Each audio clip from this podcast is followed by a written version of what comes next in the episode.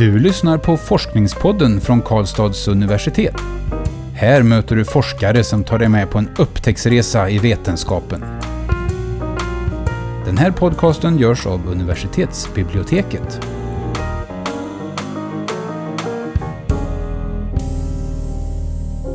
Hej och välkomna, mitt namn är Magnus. Och jag är Nadja.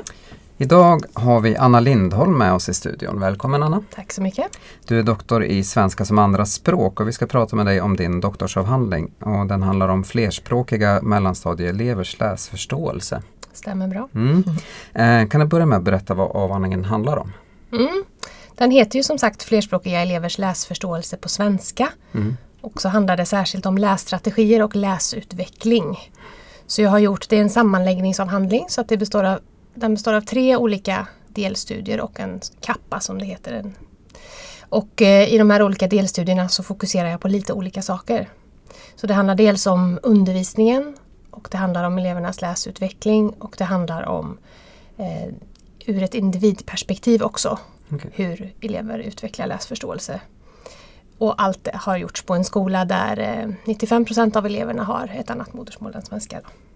Och är det det som är liksom definitionen på, för det var min första fråga just det med flerspråkighet, vad det betyder egentligen? Ja men precis, det kan ju ha, definieras på lite olika sätt men jag har definierat det som att de här eleverna pratar minst ett annat språk förutom svenska hemma med minst en vårdnadshavare.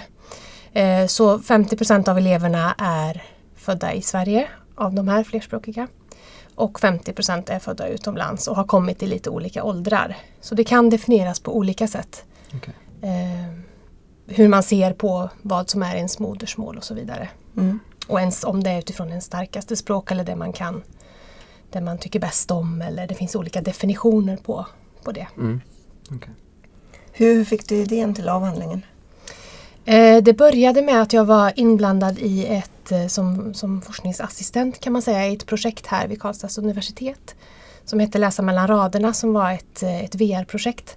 Där jag fick möjlighet att vara med på ett litet hörn och blev intresserad av det här med läsförståelse och jag samlade in material och skrev min magisteruppsats inom ramen för det projektet.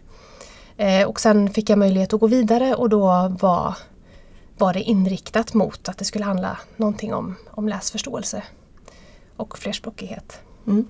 Kan, kan du berätta lite mer om hur du har gått tillväga för att göra din forskning? Vad är det du har gjort? Mm. Pratat med eleverna eller? Mm. Jag har som sagt varit på en och samma skola under den här perioden och jag har följt dem under hela mellanstadietiden kan man säga. Så till en början så ville jag se hur, och det var också så att den här skolan hade låg måluppfyllelse. Och alla eh, skolledarna hade satsat på kompetensutveckling för alla lärare i arbete med lässtrategier. Eh, enligt en särskild modell. Så att de jobbade med fyra grundstrategier kan man säga om man då ska definiera vad lässtrategier är. Så är, kan det till exempel vara de här fyra handlade om eh, att man ska eh, inventera elevernas förförståelse. Eh, och man ska kan summera en text och man kan ställa frågor till en text och man kan reda ut oklarheter. Göra förutsägelser heter den första. Eh, och de här, det är fyra grundstrategier som man kan arbeta med med alla olika typer av texter. Så det var som en, ett försök från skolledningen att få en ökad måluppfyllelse genom att alla ämnen skulle jobba uttalat med att förbättra elevernas läsförståelse. Mm. Eh, och då började jag med att studera undervisningen i tre olika ämnen, så det är den första delstudien. Och då följde jag, då ville jag ha ett SO-ämne och ett NO-ämne och svenska som andraspråk. Så biologi och religion skulle de läsa då när de gick i årskurs fyra.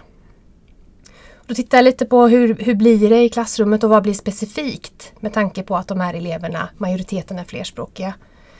Eh, vad behöver man tänka på? Hur gör de och gör de olika? Mm.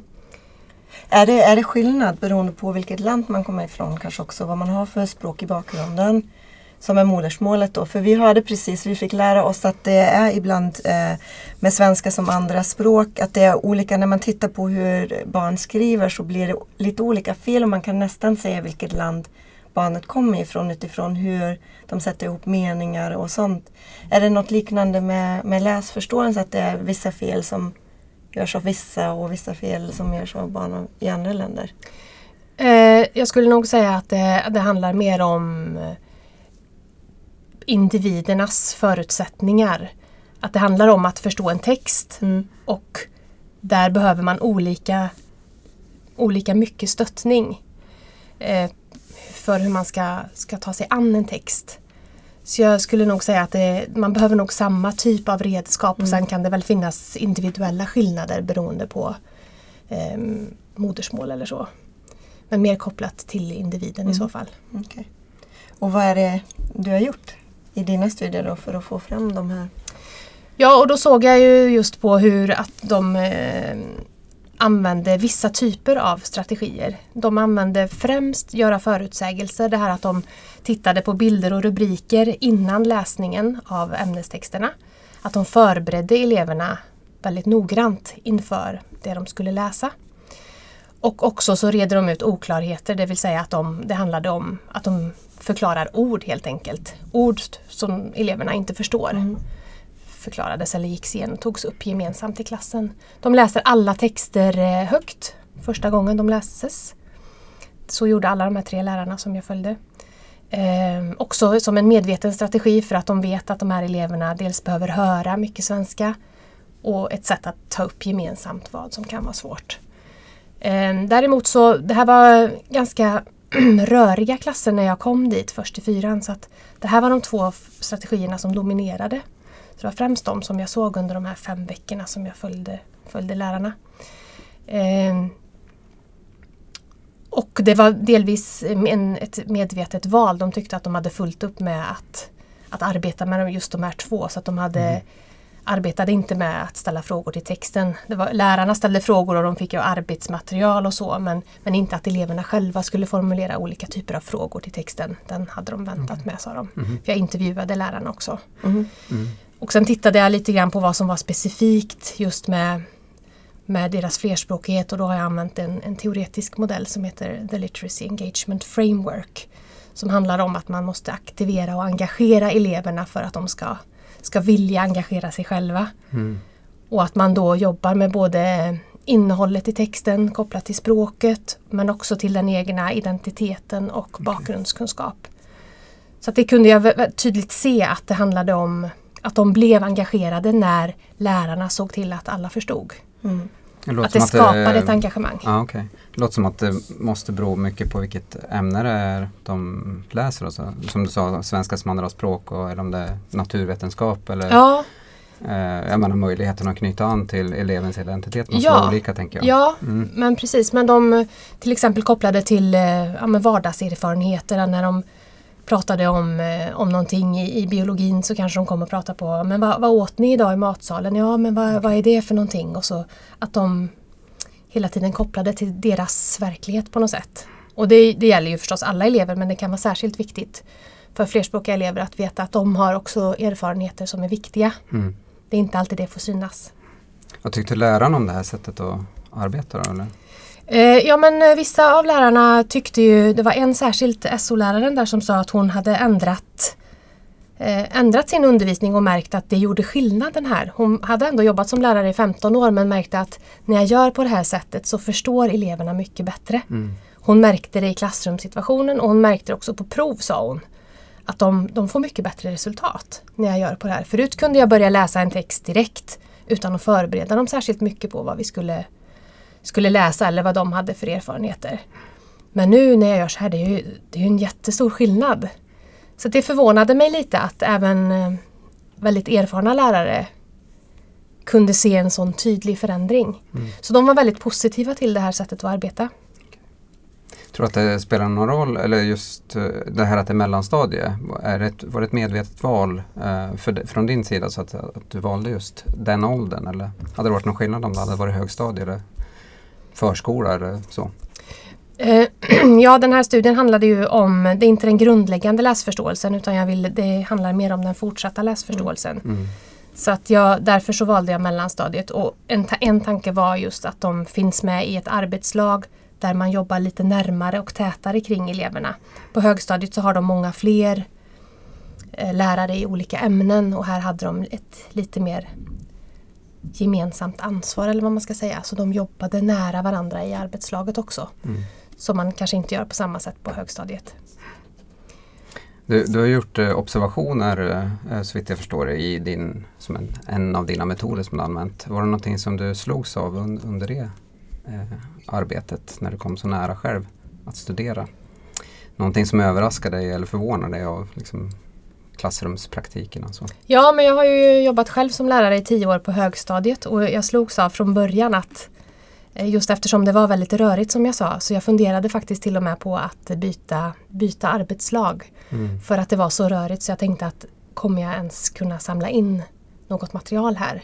Så det vet jag var min första nästan som en, en chock. Och det var inte så att, att det, var, det, det var specifikt för de här klasserna som de hade tagit emot när jag var där och besökte dem på våren när de släppte de årskurs sexorna så var det inte alls så. Utan det var väldigt exceptionella klasser och det sa de också att det här är, det här är något extremt. Så det slogs jag av.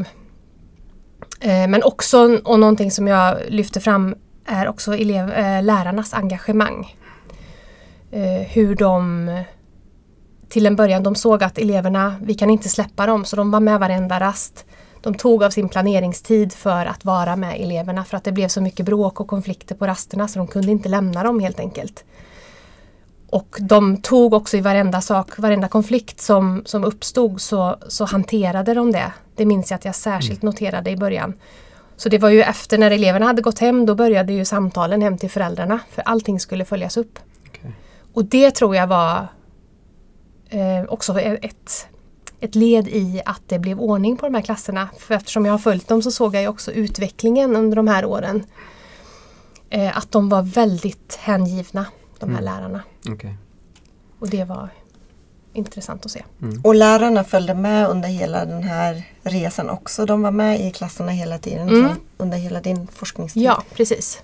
Okay. Så att jag kunde ju stämma av och följa upp saker med dem. Jag var ju inte där hela tiden. Utan sen i, i den andra delstudien så gjorde jag ju läsförståelsetest mm. under årskurs 5 och 6. Så då var jag där vid tre tillfällen och samlade in material för jag var intresserad att se Okej, okay, forskningen säger att den här, det här sättet att arbeta gynnar elevers läsförståelse.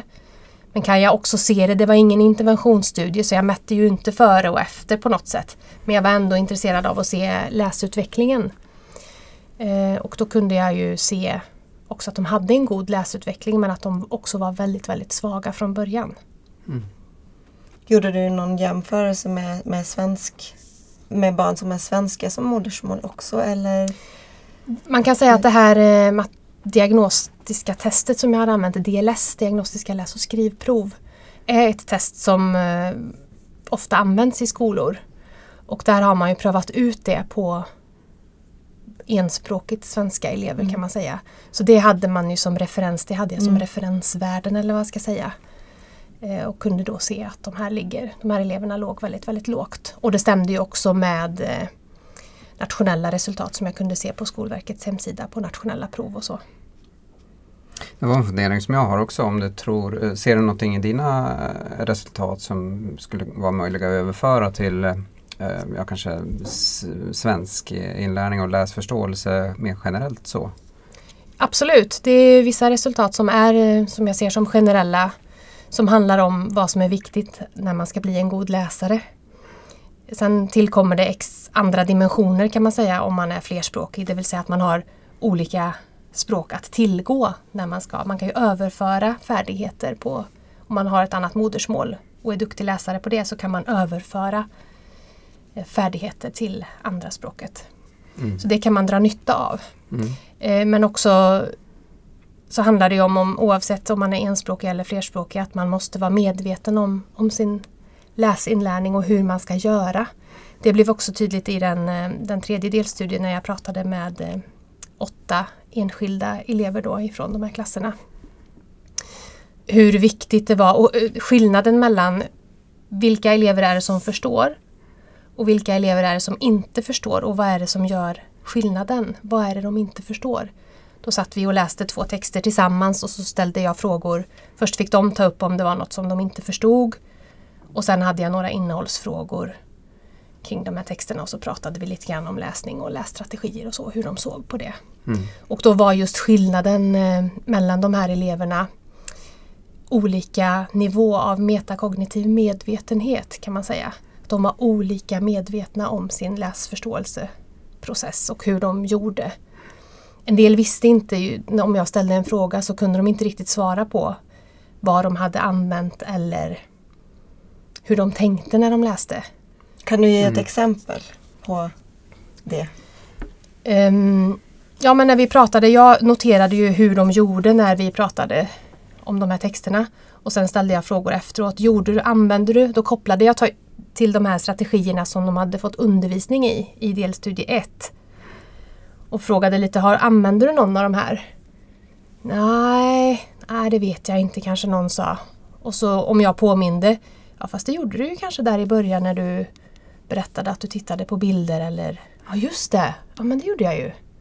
Så att man, en, och andra elever kunde vara så här, ja jag använder den här och den här och den här och den där använder jag ibland. Mm. Och alla kunde heller inte redogöra för de här och hålla isär riktigt de här strategierna som de hade arbetat med i klassrummet. De blandade ihop dem och de hade figurer som de utgick ifrån så de pratade om spågumman och om detektiven och om reporten och sådär istället för de här mm. eh, benämningarna på, på lässtrategier. Och då kunde det vara så att de, de blandade ihop eh, de här och inte visste vem som var, var vem. Mm. Är det en viktig aspekt eh, tror du det här med just det metakognitiva? Att man har utvecklat den förmågan för att eh, få en bättre läsförståelse? Mm. Ja och det har ju tidigare forskning visat också att det mm. är en viktig dimension av, av läsförståelse. Och det har också visat sig att goda läsare, och det, det undersökte jag också i artikel 2, relationen mellan läsförståelse och lässtrategianvändning. Jag gjorde en enkät vid tredje insamlingen som, där de själva skulle rapportera. Det var 30 påståenden om olika lässtrategier och så skulle de ange i vilken grad de använde de här lässtrategierna. Och så kunde man relatera det då till deras grad av läsförståelse. Mm. Och då är det så att vi, goda läsare använder lässtrategier i större utsträckning har man sett. Och det stämde även här också. Så det, det, har betydelse och då handlar det just om, om metakognitiv medvetenhet som blir jätteviktig. Kunna ställa sig utanför sig själv lite grann och, ja. och se vad man... För, för vissa elever förstod inte ens att de inte förstod. Nej, nej. Så om jag ställde en fråga så, så kunde, kunde en elev säga vi redde ut alla ord och sen har du förstått, tycker du att du har förstått den här texten nu? Ja, nu förstår jag allt. Och sen när jag började ställa innehållsfrågor så visade det sig att de inte alls hade förstått. Och det tyder på en låg grad av metakognitiv medvetenhet, att man inte riktigt vet hur är uppmärksam på när man inte förstår och vad man kan göra då. Mm. Och det är det som man behöver tränas i då. Och det är det som lärarna kan jobba med. Skulle du säga att det är någon skillnad om det är ens eget modersmål? Eller använder man samma strategier då? För jag står nu och funderar på, gör jag det? Har jag en spågumma och hur läser jag texter? Mm. Och jag tror inte jag kan påstå att jag har reflekterat ens hur jag gör. Nej, och det, det tror jag är väldigt vanligt. Och då finns det också en skillnad mellan strategier och färdigheter, strategies och skills att när man har, använder de här strategierna omedvetet så blir de färdigheter och då tänker vi inte på mm. att vi använder dem. Okay. Och det, det är ditåt man vill. För du, när du läser en text så gör du ju massa saker fast du kanske inte reflekterar över det. Om du läser en komplicerad akademisk text så kanske du måste läsa om eller sakta ner tempot beroende på vilket språk du läser på. Så vi gör en massa saker fast vi inte riktigt är medvetna om det själva. Okay. Så den skillnaden är, är viktig också med strategier och färdigheter. Och så länge som man använder strategier som strategier så tar det ganska mycket kognitiv kraft. Och det är därför som det finns, det blir begränsat utrymme där kan man säga. Så, men när vi har fått dem till färdigheter så använder vi dem automatiskt och då kan vi använda vår kognitiv, kognitiva förmåga till det vi behöver, det vill säga läsa olika typer av texter och, och svårare texter och så. Okay. Så det är därför det är så viktigt att jobba med de här lässtrategierna så att man får dem till färdigheter. Så när man är klar med utvecklingen så ska det vara det ska sitta helt Ja men man behöver det som en, en verktygslåda kan man säga ja. med olika typer av strategier så att mm. man vet okej okay, men nu jag förstod inte alls den här. Vart ska jag börja? Ska jag, måste jag läsa om? Jag läser om från början eller räcker det att jag läser om det här stycket? Vart, vart tappar jag förståelsen här nu? Mm. Eh, och det, då kommer metakognitionen in. Okej. Du, om vi, det var många olika studier, många olika saker som du har gjort. Om du skulle sammanfatta allt det här. Vad, vad tycker du är de viktigaste bidragen av avhandlingen? Då blir det nog just det här vikten av att arbeta strukturerat med läsförståelse. Sen om man kallar det lässtrategier eller gör, men någonstans att lärarna har, och det behöver alla lärare göra i sina respektive ämnen, att det inte bara handlar om läs, svenskläraren som ska arbeta med att utveckla elevernas läsförståelse. Utan det är alla lärares ansvar på något sätt och man behöver ge eleverna de här redskapen.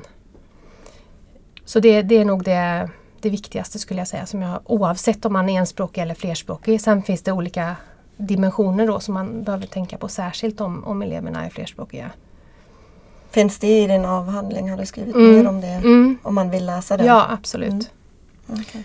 Eh, nu har du varit på en skola för den här avhandlingen, men Mm. du har ju lärarbakgrund själv och så. Jag tänker, jag är lite nyfiken bara på det här med bredare perspektivet. Eh, hur ser kunskapen ut på skolorna mer generellt sådär? Nu var det här en skola som var, hade ett engagemang och ville driva Mm. detta, men om man breddar det, eh, finns det mycket kunskap Mm. bland lärare och, och i skolorna? Mm. Jag skulle säga att det har hänt väldigt mycket de senaste fem, sju åren. För 2011 så skrevs det in väldigt tydligt i läroplanen för grundskolan det här med arbete med lässtrategier, att lärare i svenska och svenska som andraspråk skulle arbeta med det redan från årskurs 1 till och med årskurs 9. Så det finns genom hela, hela, grund, hela läroplanen. Eh, och också Läslyftet har ju gjort väldigt många satsningar så där har det ju hänt otroligt mycket. Och lärarna har gått eh, olika typer av fortbildningar och lärt sig mycket skulle jag säga de, de senaste, ja att det har hänt mycket de senaste sju, åtta åren. Är det några nya frågor som har växt utifrån den här studien? Saker du tycker är viktiga att forska vidare kring när det gäller läsförståelsen? Så, som du kanske själv skulle vilja undersöka? Ja men jag tycker att det är intressant att se just den här hur olika lärare gör. Att även om man har gått en gemensam fortbildning så kan man göra på olika sätt. Att man, det landar olika hos olika lärare och beroende på vilka behov som finns i olika ämnen också tänker jag. Så det skulle ju vara jättespännande att se en annan skola för det här var ju också ett speciellt urval av elever. De hade en låg, låg måluppfyllelse som jag, som jag sa och det man kunde se i statistik att man vet att föräldrars utbildningsbakgrund har ju stor betydelse för elevers måluppfyllelse. Och på den här skolan så var det 14 procent av föräldrarna som hade eftergymnasial utbildning. Och motsvarande för riket ligger på 55 procent ungefär. Mm. Så att det, det fanns tydliga indikationer på att det här var ett, ja, men en typisk sån invandrarskola. Och det är klart att det blir ju speciellt på det sättet. Så det skulle ju vara spännande att se andra skolor, skulle Mm. jag tycka. Mm. Om vi ba bara backar tillbaks till den här undersökningen, och vem hoppas du kommer att läsa avhandlingen och vem skulle ha nytta av det? Jag tänker att den är, relevant för lärare förstås, men också de som går lärarutbildningen, att man behöver få kunskap om det här. Och som sagt då inte bara svensklärare utan lärare i alla som ska undervisa alla årskurser. Eh, skolledare tänker jag att det är viktigt för, men även politiker, att det här är en het politisk fråga idag. Med att eh, vi vet att den här gruppen av elever presterar sämre i skolan än, än enspråkiga elever. Så det har varit, eh, ja men det är ju en het politisk fråga. Mm. Men jag tänker rent generellt, nu är, det lite mer svenska som andra språk, men jag har för mig att eh, det har gått ner för alla elever i Sverige med läsförståelsen. Att de inte kan ta, många kan inte ta till sig eh, nyhetstexter i tidningen och så, att det är väldigt att det har, har sjunkit med läsförståelsen helt enkelt. Så det är inte bara lärare som har jobbar mycket med barn som har svenska som andraspråk. Eller, utan även andra också eller? Mm. Det var under en tioårsperiod, eller nästan 15 år kan man säga, att läsförståelsen sjönk i Sverige. Mm. Och från att vi har legat i topp så, så gick det stadigt neråt. Men det, det skedde ett litet trendbrott 2015 och 2016. Både i PISA, som är då årskurs 9, och för PEARLS som är för årskurs 4. Så att eh, där, nu har det vänt uppåt igen.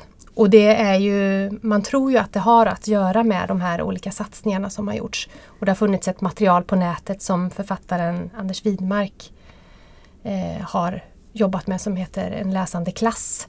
där han har lagt ut texter som lärarna kan använda gratis och han har skickat ut material till skolor som handlar om att arbeta med lässtrategier. Mm. Så att ja, man tror att det är Det de, vänder. de vill gärna, Mm. ja precis, och de, de vill gärna säga att det här har, att det finns en koppling här.